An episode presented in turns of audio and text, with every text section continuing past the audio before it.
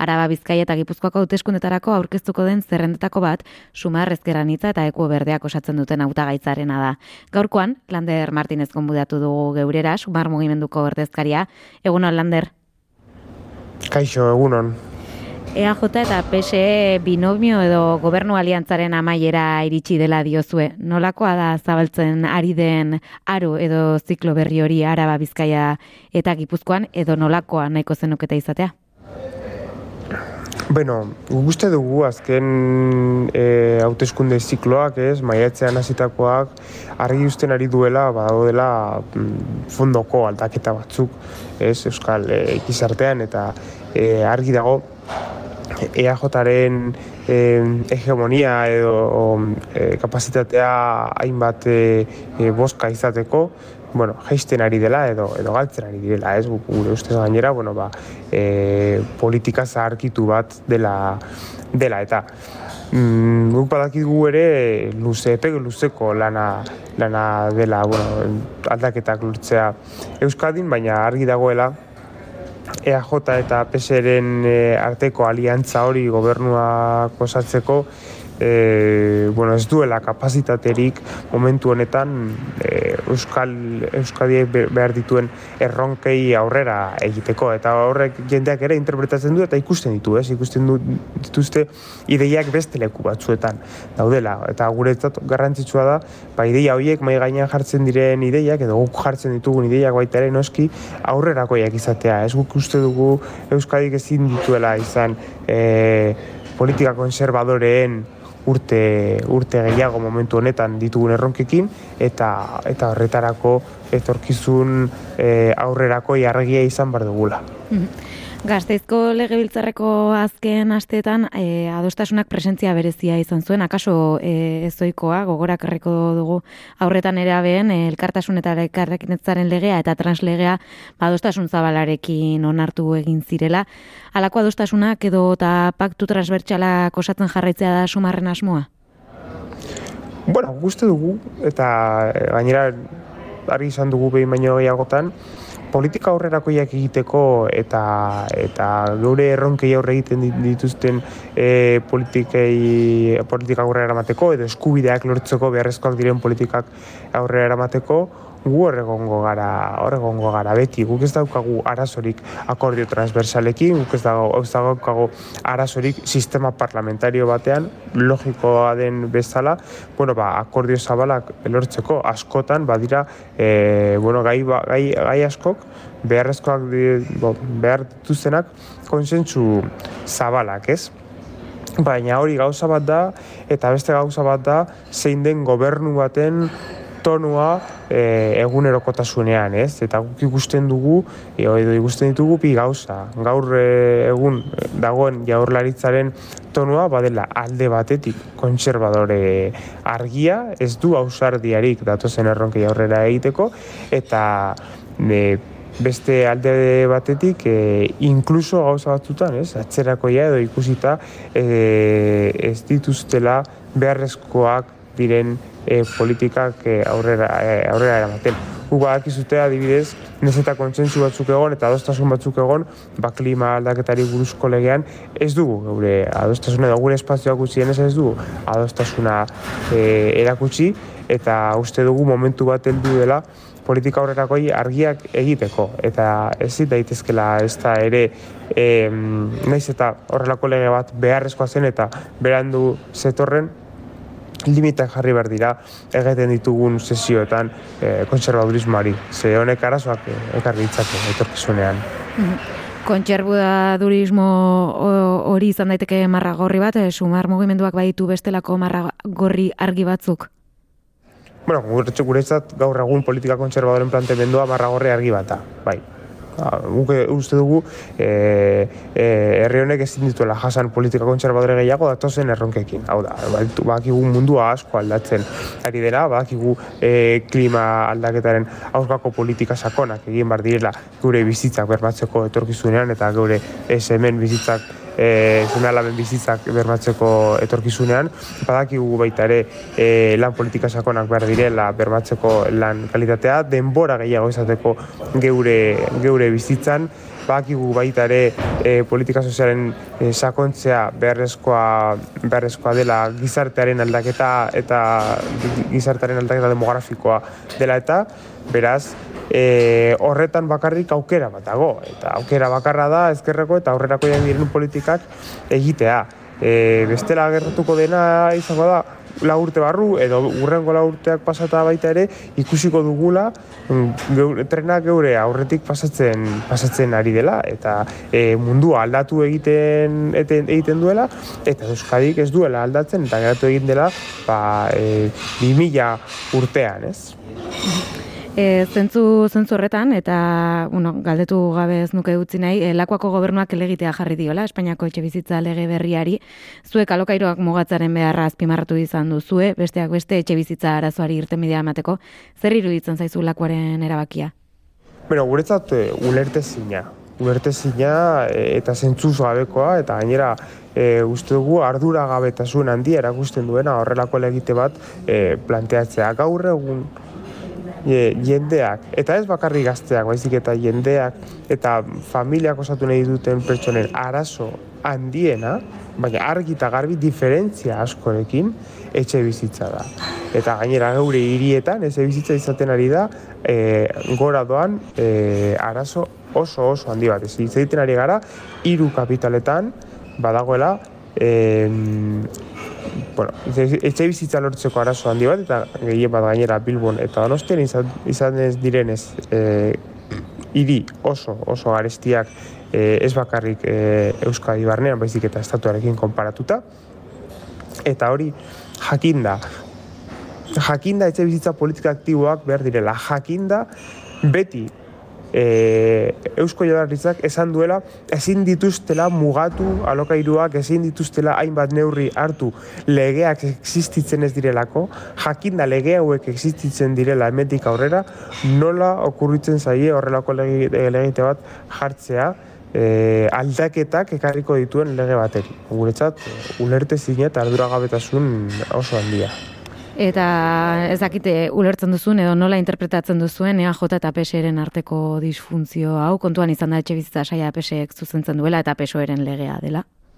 Bero, badakigu PSOek e, bi, bi paper jokatzen dituela, ez? Bata da Espainiako gobernuan egiten duen papera, e, eta beste aldetik Eusko Jaurlaritzaren due, egiten duen papera. Beraien papera Eusko Jaurlaritzan, bueno, bada horregotea, badakigu hainbat arrazoien gatik, baina influentzia gutxirekin egotea, ez? Eta inoiz ez dute izango konfrontazio irekirik e, momentu honetan e, e, egiten diren, edo aurrera eramaten diren politiken inguruan, ez? Eta, eta momentu honetan existitzen den konfrontazio hau zer ikusi gehiago du pesoeren paperarekin Espainiako gobernuan eusko jaurlaritzan baino.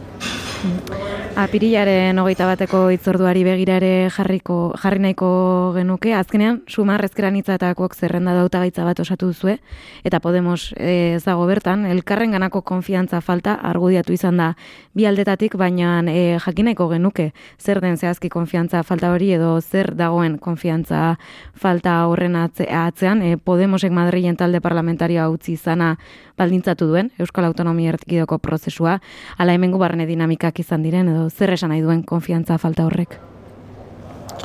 Bero, guk ulertzen du galdera ere, eh, baina egia da e, guretzat e, ez da hau e, bukatuta dagoela eta ezer gutxi gehiago e, esango dugula honen, honen inguruan, ba uste dugulako e, ja badaukagula auta auta gaitza zabal bat osatuta eta eta eta hauteskundeak deituta eta jakinda bueno eskeranitzarekin eta eta ekuberdeekin sumarra aurkeztuko dela.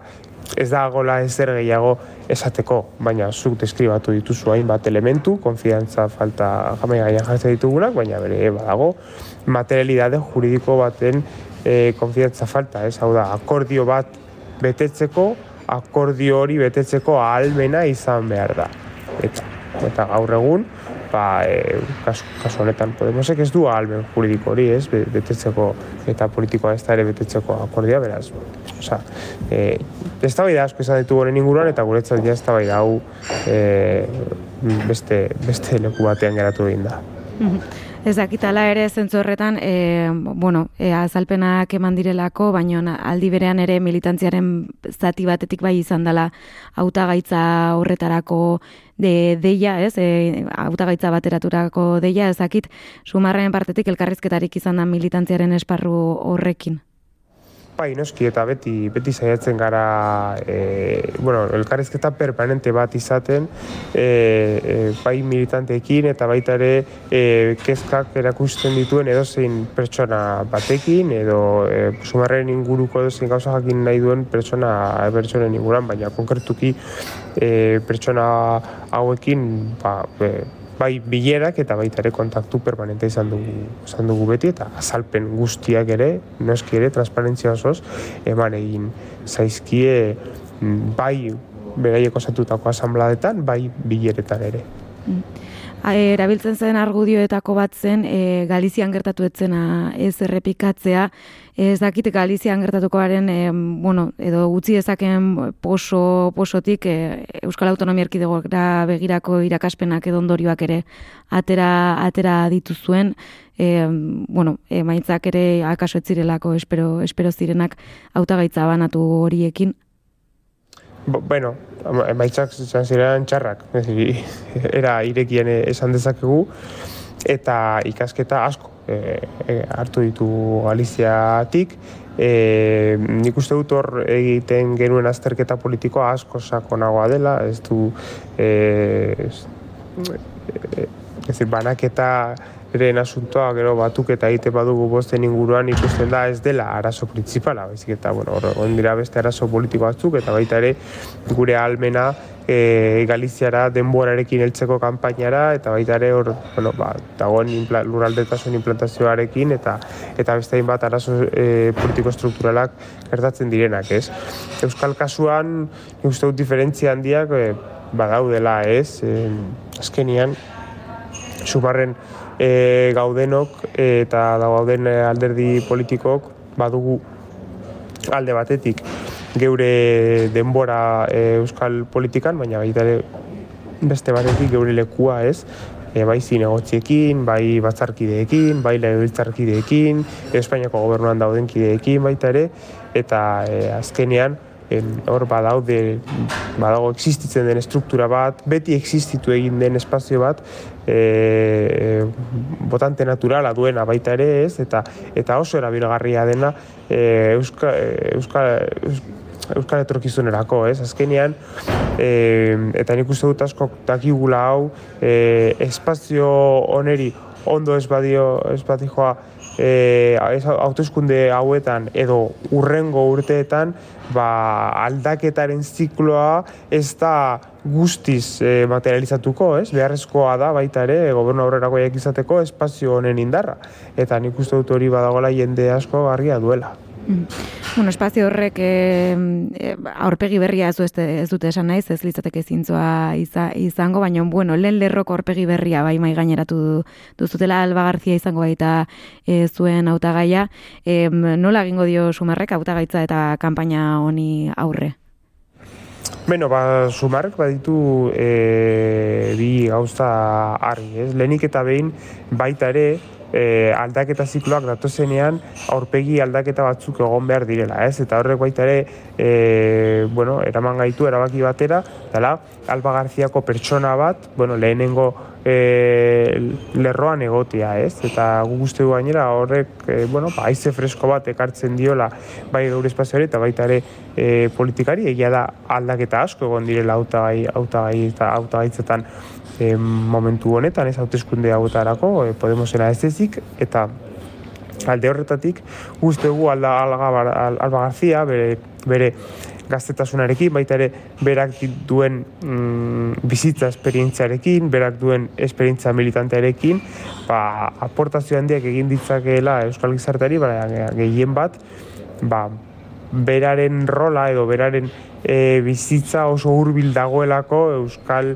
e, edozein e, Euskaldin bizitzen den edozein pertsonaren bizitzare, bizitzaren e, paperatik, ez? Eta e, horregatik, bueno, ba, gure papera askotan izango da e, lehenik eta behin azaltzea em, ideiak ditugula, ideia nobedosoak, ideia berriak, e, ideia interesgarriak etorkizunerako, badugula jendeak ezagutzen dituela ondo, oso ondo, zeintzuk diren Euskal Gizartearen arazoak, eta Euskaldunen arazoak, eta e, horretarako hor badago Alba Garzia argi eta garbi ez, e, hitz egin dezakela bere esperientzia propiotik zer den zeintzuk diren etxe bizitza bat e, izateko arazo bat, edo alokatzeko arazo bat, adibidez, eta mm, baita ere, e, mai gainean jarriko ditugu, zeintzuk diren guk uste ditugunak Euskadik behar dituen balioak etorkizunerako, ez? Eta zeintzuk diren sumarrek argi eta garbi e, defenditutzen dituen balioak, e, balio aurrerakoiak izan da hauek. E, egia da pena, pena izan dela, gaurkoan Alba Garzia ezin izan dugula geurean eduki, ez dakite, e, bueno, hausnarketa edo e, urratxe edo konpromiso batzuk hartu diren, edo nola kudatuko den hizkuntzaren afera kanpaina honetan? Bueno, badakizute mm, e, bueno, alde batetik beti noski ere guretzat oso garrantzitsua izan dela beti e, bai erdaraz baina gehien bat euskaraz e, komunikatzea eta euskaraz sustatzea gure e, erakundeetan. Eta eta horregatik, bueno, aparte badakizute ez beti da, badagoela hor belaunaldi bat nire belaunaldia konkretuki ez, e, nik aukera izan duen zorionez e, euskaraz ikasteko eta eta eta baita ere nire etxean euskaraz hitz egiteko, baina danok ezin dute e, ez dute aukera hori izan eta esfortzu handi, oso handia egiten ari du. Belaunaldi horrek bai e, euskaltegiaren bidez eta baita ere e, bueno, ordu asko botatzen ez euskara eta geru hizkuntza dena ikasteko. Kasu honetan, alba da pertsona horietako bat, bera konpromeso handia du euskararekin. Nik e, uste dut laizter izango zutela aukera berarekin e, hitz egiteko, baina danok badakigu, ez, zeintzuk zeintzuk diren, ez, e, euskaldun berrien e, bueno, progresioak eta eta horretarako batzutan denbora behar da, ez? Da, eta inkluso batzutan euskara jakinda ere, bueno, ba, pausua ematera horrelako momentu batera, ez, elkarrizketa batean sartzeko eta e, badakizute e, bueno, ba, denbora bar dela, baina e, beti ere e, saiatuko gara edo mm, euskaldun batzuek e, e, izaten e, lehenengo lerroan edo edo baita ere, bueno, noski ere geure autogai guztien konpromisoa euskara ikasteko eta eta egiteko. Bueno, Albaren kasuan euskara badaki, baina oraindik e, gehiago lan, lantzen ari da. Pozez hartuko dugu orduan, beraz, Alba Garzia hemen naiz irratian momentu hori iristen denean, Lander Martinez mila mila esker gurean izateko tartea hartzeagatik gaurkoan. Bai, eskerrik asko zuei.